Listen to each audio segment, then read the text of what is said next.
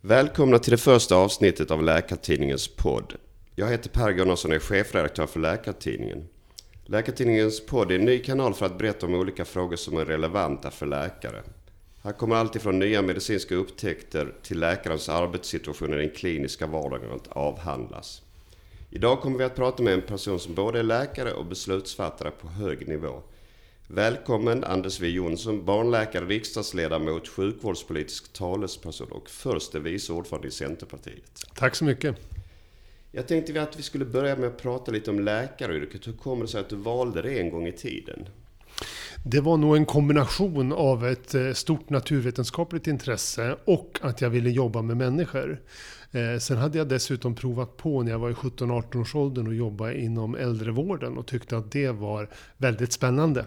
Eh, så då blev valet ganska naturligt för mig att söka in på Karolinska Institutet efter att jag hade slutat gymnasiet. Mm. Och hur såg läkarkarriären ut efter det då? Eh, ja, jag har ju läst på Karolinska Institutet då, och gjort väldigt mycket av mina placeringar på Huddinge sjukhus där jag trivdes väldigt bra.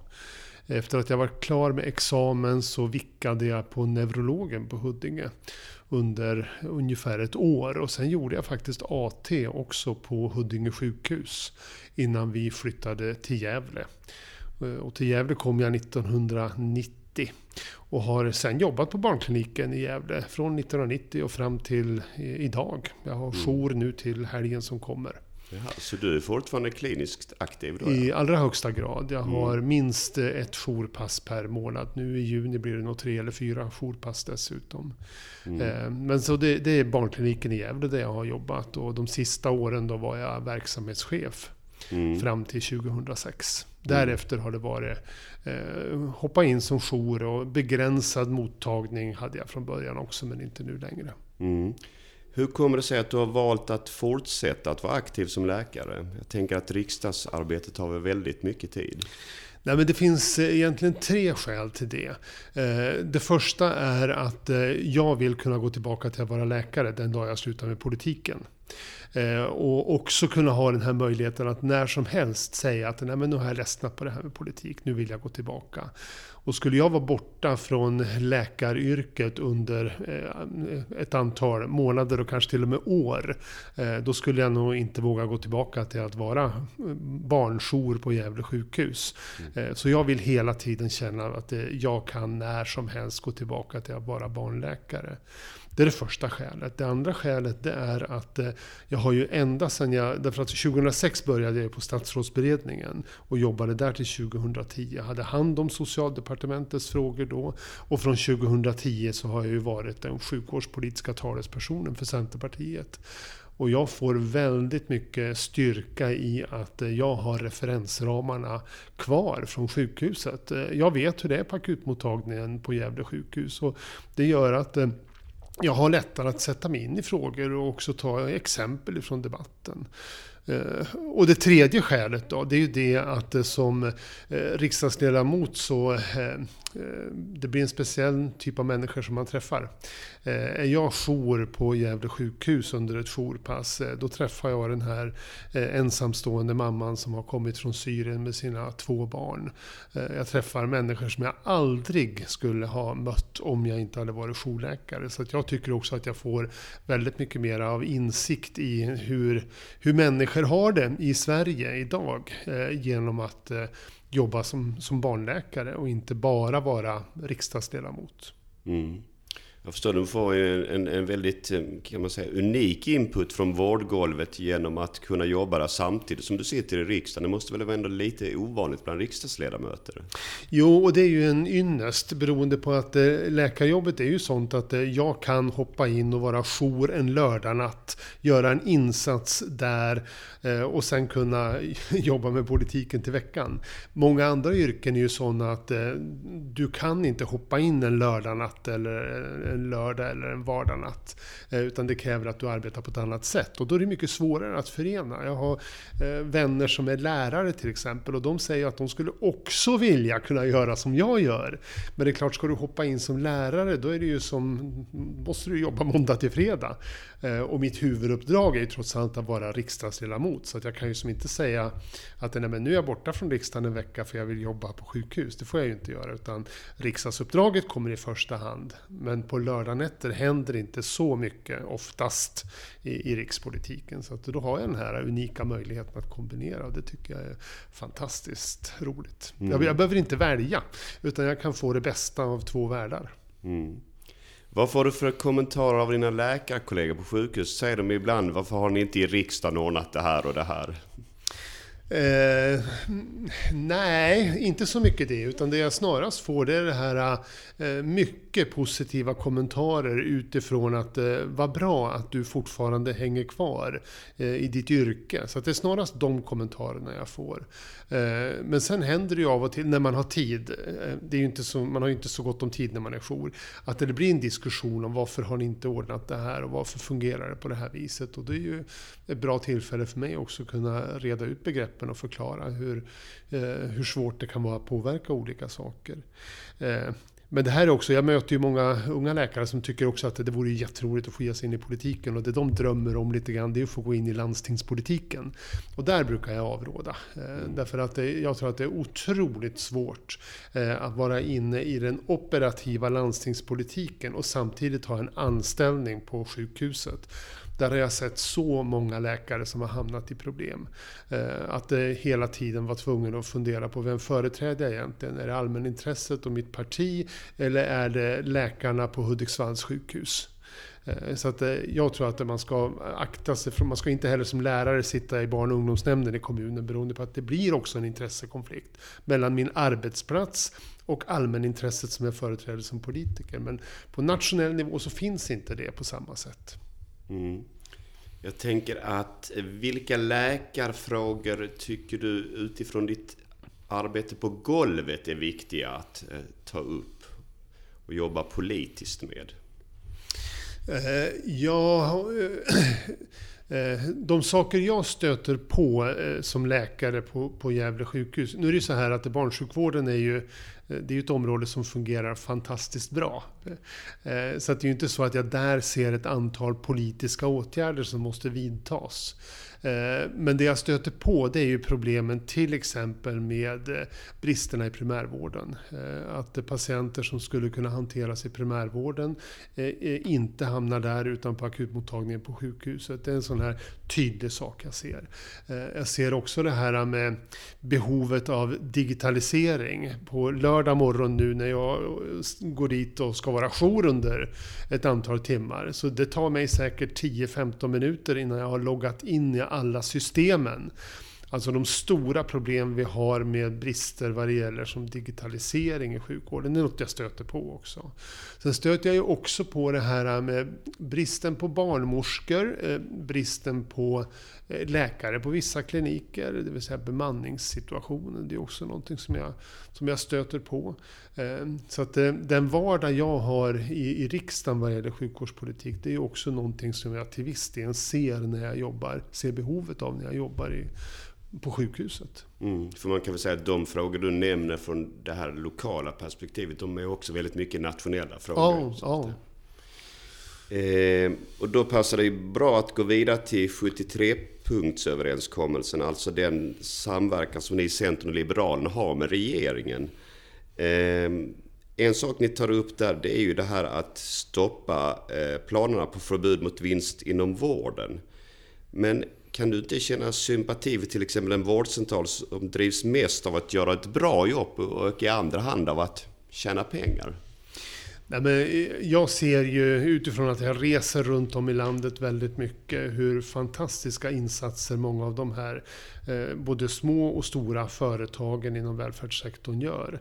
Eh, så att en av de riktigt stora segrarna i januariavtalet det var ju att vi en gång för alla kunde ta Reepalu-utredningen och kasta den i papperskorgen.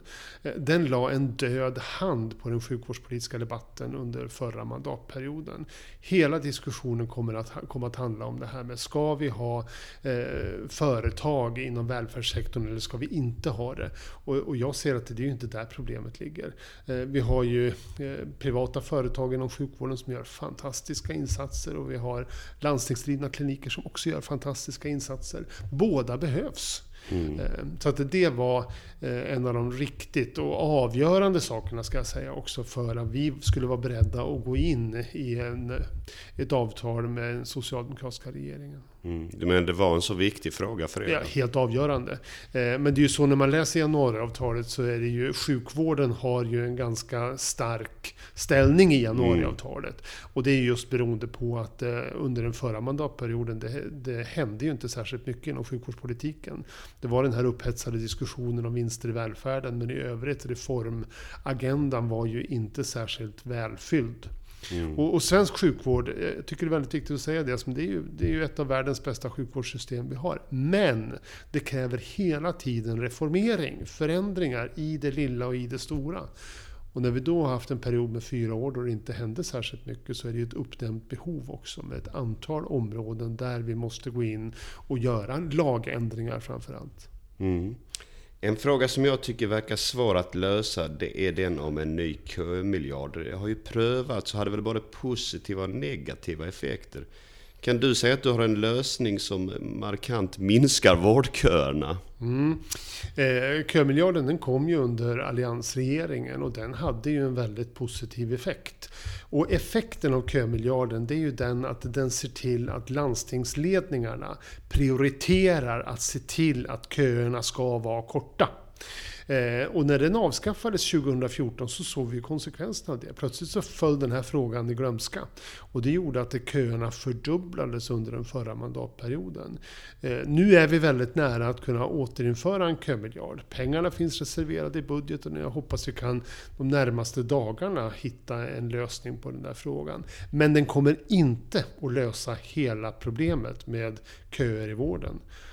Och köer i vården, det är ju, ibland kan man ju tycka att ja, men är det en stor fråga eller inte? Ja, det är en väldigt stor fråga. Eh, beroende på att dels finns den medicinska säkerheten som åsidosätts i ett läge där man har patienter som står i kö. Men sen innebär det också att ojämlikheten ökar i den svenska sjukvården. Därför att den som har pengar, den som har kontakter, kontanter eller kontakter, tar sig alltid fram i köerna. Eh, det är inte de som väntar, det är inte akademikerna, det är inte advokaten, det är som inte industriledaren som står i vårdköer och väntar. Utan det är som den ensamstående mamman som står i vårdköer och väntar. Så att det här innebär dessutom de här köerna som man nu har byggt upp under fyra år, att vi får en betydande ojämlikhet. Men det krävs andra åtgärder också. Mm. Eh, du sa här någonting om att, ni, eh, att en lösning är på väg. Tolkar jag dig rätt? Ja, eh, och det är ju så här att eh, det finns 1,6 miljarder avsatta i budgeten för innevarande år. Eh, och det här förutsätter ju då att eh, man kan komma överens mellan regeringen och eh, Sveriges kommuner och landsting. Och vi befinner oss nu i slutfasen på de här förhandlingarna. Och min förhoppning är att vi inom en, den nära framtiden mm. Eh, kommer att ha en kömiljard på plats som då kommer att gälla under det här året. Mm. Eh, sen kommer man ju att få, vi har ju sagt att vi vill ha en reformerad kömiljard. Eh, och då kommer det att vara förändringar som man får göra fortlöpande under kommande år. Men det här är bara en del i att se till att vi får kortare köer.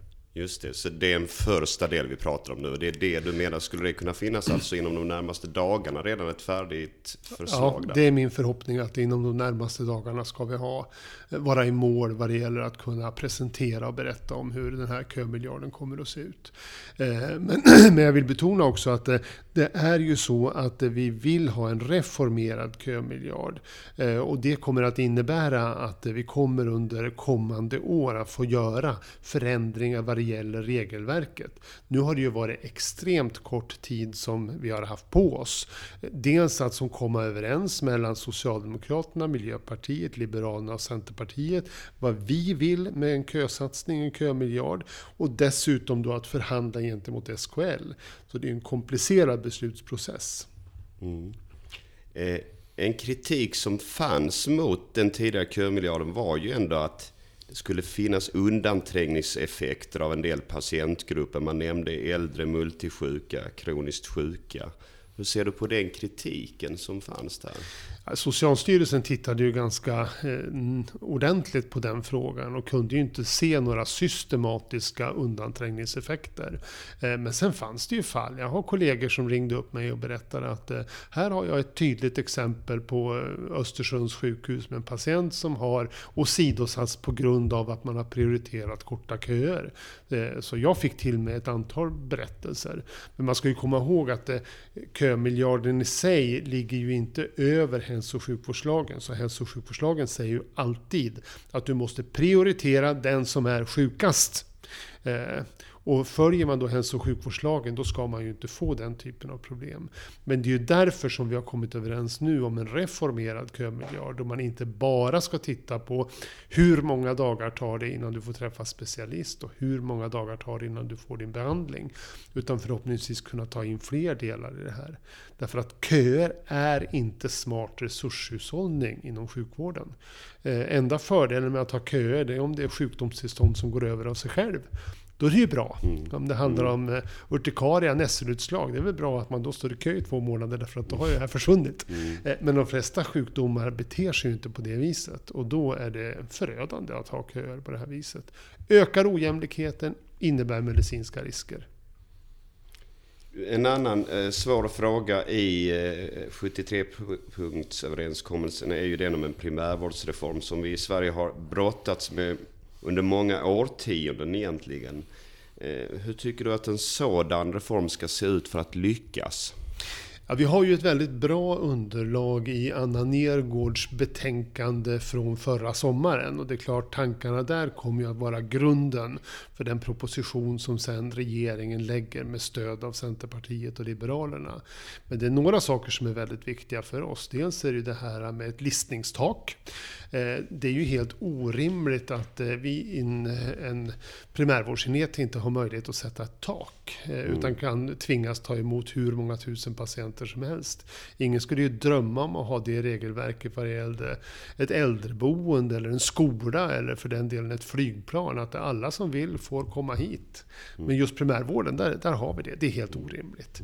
Mm. Sen måste man ju också betydligt starkare betona det här med den fasta läkarkontakten och också möjligheten att lista sig på en läkare. Måste se till att man kan sänka tröskeln för att etablera sig som läkare i primärvården. Så att det finns ett antal delar som är för oss väldigt, väldigt viktiga i den reformen. Mm. Men jag skulle säga att det finns en bred politisk eh, överensstämmelse kring det här med att det, det är ett stort behov av en primärvårdsreform och att den bör innebära att man flyttar en hel del av sjukvården närmare människor. Mm. De delarna du nämnde nyss, till exempel listningstak, är det sånt som du redan nu känner att de är ni överens om? Nej, alltså vi har inte kommit så långt i processen okay. än. Mm, mm. Eh, utan det vi har nu det är ju Anna Nergårds utredning, den har varit ute på remiss. Mm. Eh, vi har en remissammanställning. Och sen kommer vi att gå vidare då i att förhandla om de olika delarna mm. i propositionen. Mm. Och vi vill ju ha en helhet. Vi, mm. vi vill ju att det här ska vara ett förslag som vi ser kommer att innebära skillnad för människor. Idag är det ju färre mm. än 50 procent av svenska folket som har en fast läkarkontakt i primärvården. Mm. Det skapar jättestora problem i svensk mm. sjukvård. Mm. Men de frågorna, de kommer ni att driva i alla fall? Ja. Vi kommer att driva det stenhårt. Eh, jag tänker Anna Nergård utredning som du nämner. Hon tar ju upp en väldigt central och också eh, långvarig fråga med fler allmänläkare eh, behövs. Eh, vad kan man tänka sig rent konkret för att få fram fler allmänläkare? För det har vi ju sagt i Sverige i väldigt många år. Mm. Och eh, dels är det ju så här att eh, det, det är ett antal olika saker man måste göra där. Eh, dels är det det att man måste förbättra villkoren att jobba som allmänläkare inom primärvården. För det är klart, i, idag när du sitter vid ett löpande band och du kan tvingas ta emot hur många patienter som helst. Du har inte en egen lista där du har ansvar för ett visst antal patienter. Det gör ju att det är en helt omöjlig arbetssituation på många ställen. Så dels att förbättra arbetsmiljön, göra det roligt att vara allmänläkare i primärvården. För det här borde ju vara ett av de mest attraktiva läkarjobben som finns du har ett visst antal patienter där du har det fullständiga medicinska ansvaret från, jag på att säga, vaggan till, till graven. Så att dels är det som arbetsmiljön för allmänläkare. Sen är det ju så, och sen måste man ju förstås öka utbildningskapaciteten, men även om man gör båda de här sakerna så kommer inte det att räcka. Eh, och det är därför som Anna Nergård har föreslagit att det finns andra specialiteter som också bör kunna arbeta i primärvården. Mm. Det kommer inte att räcka med allmänmedicinska specialister. Och hon har ju också ett förslag som innebär att eh, eh, för den som eh, kanske är 58 eller 59 år och har jobbat inom en annan specialitet så ska man kunna gå in och få en modifierad ST-tjänst inom primärvården och därmed kunna ta ett, ett fullt ansvar. Så att hon öppnar ju ett antal dörrar för andra än just allmänmedicinska specialister att kunna gå in i primärvården och det tror vi är väldigt viktigt. Mm. En sak som i den svenska debatten har kommit upp mycket under senare år det är ju den här med den norska reformen som du ju ökade på antalet eh, allmänläkare väldigt mycket. Eh, och där en central ingrediens är det här med att de är egenföretagare. Mm. Är det någonting ni har funderat på? Jo, svensk sjukvård skiljer sig ju mot sjukvården i de flesta andra länder i det att eh, öppenvården i andra länder är ju nästan alltid baserad på att du är entreprenör, du är egen företagare, den drivs i någon form av privat regi. Och vi vill ju sänka tröskeln för att man ska kunna etablera sig som, som läkare i primärvården. Eh, idag är det ju så att det, det, krävs en ganska stor investering för att kunna öppna en primärvårdsmottagning och vi vill titta på olika möjligheter som man kan sänka det. Mm. Vad skulle det kunna vara som ett exempel rent konkret? Ja, det är ju till exempel det Anna Nergård har föreslagit att du ska kunna ha en väldigt liten enhet där du i princip är en läkare och en sjuksköterska. Eh, och det ska kunna vara den minsta beståndsdelen i primärvården. Det gör ju att då blir det ju hanterbart. Eh, en del landsting har ju byggt upp regelverk som innebär att du måste kanske anställa 10 eller 12 personer och sen sätta dig och vänta på din första patient. Och det är klart, i det läget då krävs det ett väldigt stort kapital för att kunna gå in och bli primärvårdsläkare husläkare. Mm, mm. Just med tanke på att frågan har varit svårlöst i Sverige, är du optimist eh, inför den kommande propositionen här att det kan bli ett genombrott? Eller du, finns det en bit av realist i dig också? Nej, men jag, jag har lärt mig en sak och det är det att ting tar tid. Eh, vad det gäller att reformera stora samhällssektorer så, så det kommer att ta tid. Eh, jag känner mig eh, jag tror att propositionen kommer att bli väldigt bra. Men sen ska man ju inte förvänta sig att eh, den dag riksdagen har klubbat igenom den, att eh, dagen efter så har vi löst primärvårdens problem. Så är det inte. Det kommer att ta ett antal år innan vi ser att vi börjar nå den nivå man har i andra länder där de flesta svenskar har en fast läkarkontakt och en större del av den svenska sjukvården sker i den nära vården. Eh, det kommer att vara en successiv process, men jag tror att propositionen kommer att kunna bli väldigt bra. Mm. Kan du ge oss något tidsperspektiv när en proposition kan komma? Eh, jag hoppas att en proposition kan läggas på riksdagens bord under nästa riksdagsår, det vill säga 2000 1920. Eh, och sen kommer det ju då förhoppningsvis att vara ett ikraftträdande något år därefter. Mm. Eh, men samtidigt så det, det är väldigt, väldigt svårt att sia om när olika propositioner kommer. Mm. Eh, så att det med en stor nypa salt säger, mm. säger det här. Därför att det, allting kan hända.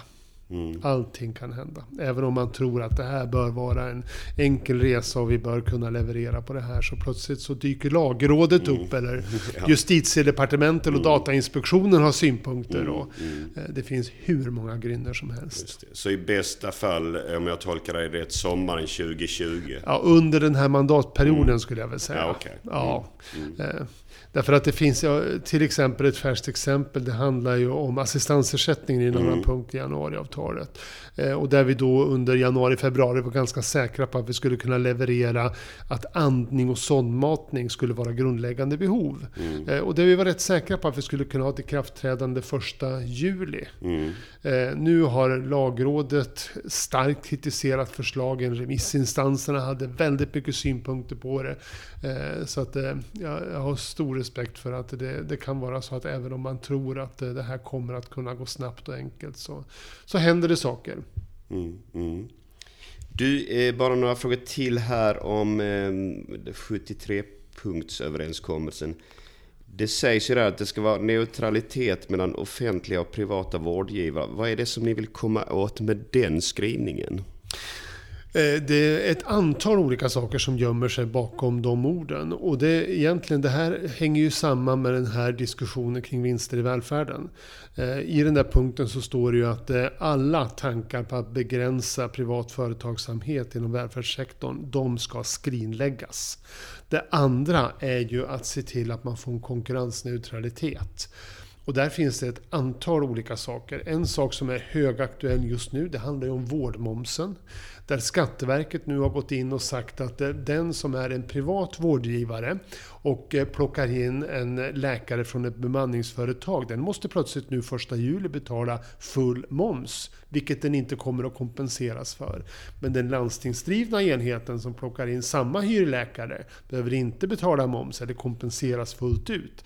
Det innebär att vi får en skillnad på 25% i kostnaden för att anställa eller plocka in en läkare. Ett annat exempel det är ju att ett antal landsting gör så att man håller nere kapiteringen, ersättningen till primärvården. Samtidigt som man pumpar in och täcker underskottet i de egna verksamheterna med skattepengar. Tredje sak det är ju att eh, tillståndsapparaten för att starta eh, en, en, privat enhet är ju väldigt omfattande. Inte alls samma krav på den landstingsdrivna sidan. Så det finns ett antal punkter där, där det är så att villkoren skiljer sig på ett rejält sätt mellan de privatdrivna enheterna och de som landstingen driver själva. Och det här, är, det här är ju inte vettigt ur ett patientperspektiv. Och allra minst om man tänker på att eh, vara försiktig med skattebetalarnas pengar. Så de exempel som du nämner, det är exempel på saker som bör tas bort? Ja, det bör vara konkurrensneutralitet. Mm. Om jag som patient väljer en eh, privat driven vårdcentral eller en landstingsdriven så ska jag få samma ekonomiska förutsättningar. Kan det inte vara så att om jag väljer den landstingsdrivna så satsar landstinget mycket mer pengar och har mycket bättre villkor för den enheten än vad det är för den privata? Mm. Mm. Så ytterst är det här också ett jämlikhetsperspektiv för, för patienterna. Du kom ju eh, in på det här med momsfrågan som är väldigt aktuell just nu och där mm. man inom vården ändå verkar överens om att det här är helt felaktigt som Skatteverket har kommit fram till. Men finns det inte en risk att detta avgörs av en väldigt långt utdragen rättsprocess? Nej, det här är ju alltså någonting som Skatteverket har hittat på. Man har gjort en egen tolkning av ett EU-direktiv. Samma EU-direktiv gäller i Finland och de har gjort den rakt motsatta tolkningen. Det här kommer att få stora konsekvenser i den svenska sjukvården. Eh, och dessutom kommer det här väldigt akut nu mitt under sommaren. Eh, och det blir ju en sån märklig situation när då Skatteverket kastar in grus i sjukvårdsmaskineriet och skapar jättestora problem. Det är det som gör att Sveriges kommuner och landsting har reagerat, Läkarförbundet har reagerat, vårdföretagarna har reagerat. Och det som krävs här det är att regeringen snabbt som ögat går in och vidtar åtgärder.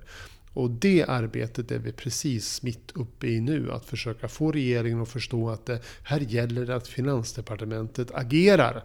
Därför att annars kommer det här att få svåra konsekvenser för den svenska sjukvården. Mm. Men jag tänker om Skatteverket som självständig myndighet väljer att driva det i rättsligt, kan regeringen gå in i ett sådant fall då rent juridiskt? Ja, regeringen kan alltid ta initiativ till lagändringar. Det är mm. regeringen, mm. men det är bara regeringen som kan göra det. Vi kan inte mm. driva det här från, mm. från riksdagen. Nej. Utan det är ju så det svenska juridiska systemet mm. är uppbyggt. Mm. Att i ett läge där man ser att nu har myndigheter och domstolar tolkat lagstiftningen på ett sätt som är eh, helt uppåt väggarna och som får orimliga konsekvenser. Det regeringen måste göra då snabbt, det är ju att agera, ta fram ett förslag på ny lagstiftning. Det tydligaste exemplet på det är väl det här med andning inom eh, den personliga assistansen. När då Högsta förvaltningsrätten går in och säger att andning, respirator, det är inte ett grundläggande behov så det berättigar inte till personlig assistans. Det är klart, det är ju en hårresande tolkning av assistanslagstiftningen. Och det borde ha föranlett att regeringen för flera år sedan gick in snabbt och kom med ett förslag på lagändring. Det har man inte gjort förrän nu med januariavtalet då som, som bas när vi tvingade fram det här under eh, ja, februari, januari, februari. Mm. Men i momsfrågan, där tolkar jag det som att där har ni kontakt med regeringen för att få fram ett förslag om det behövs? Ja. Vi har intensiva kontakter mm. med regeringen på alla nivåer och det har vi haft en längre tid eh, för att försöka hitta en lösning på det här. Mm. mm. Eh, det jag tänker på också, en eh, numera ständigt aktuell fråga, det är ju det vad man lite slarvigt uttryckt kan kalla för nätläkare. Alltså att man exempelvis kan få vård via videokontakt med läkare. Hur ser du på denna vårdform?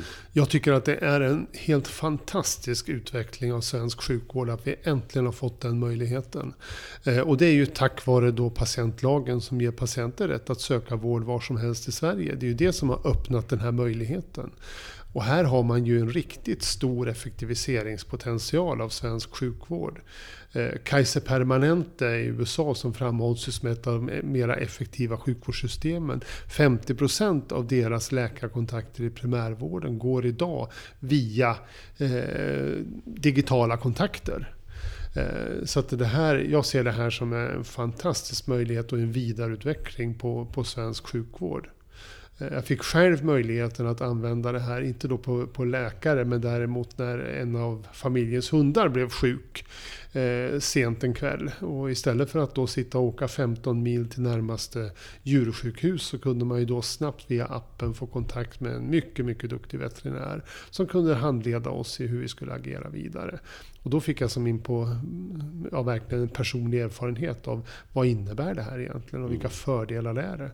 Som läkare är man ju bortskämd med att man alltid har någon kollega man kan ringa och fråga i alla ärenden. Men just det här, vi kände oss helt strandsatta, hjälplösa ända tills vi upptäckte att den här möjligheten fanns.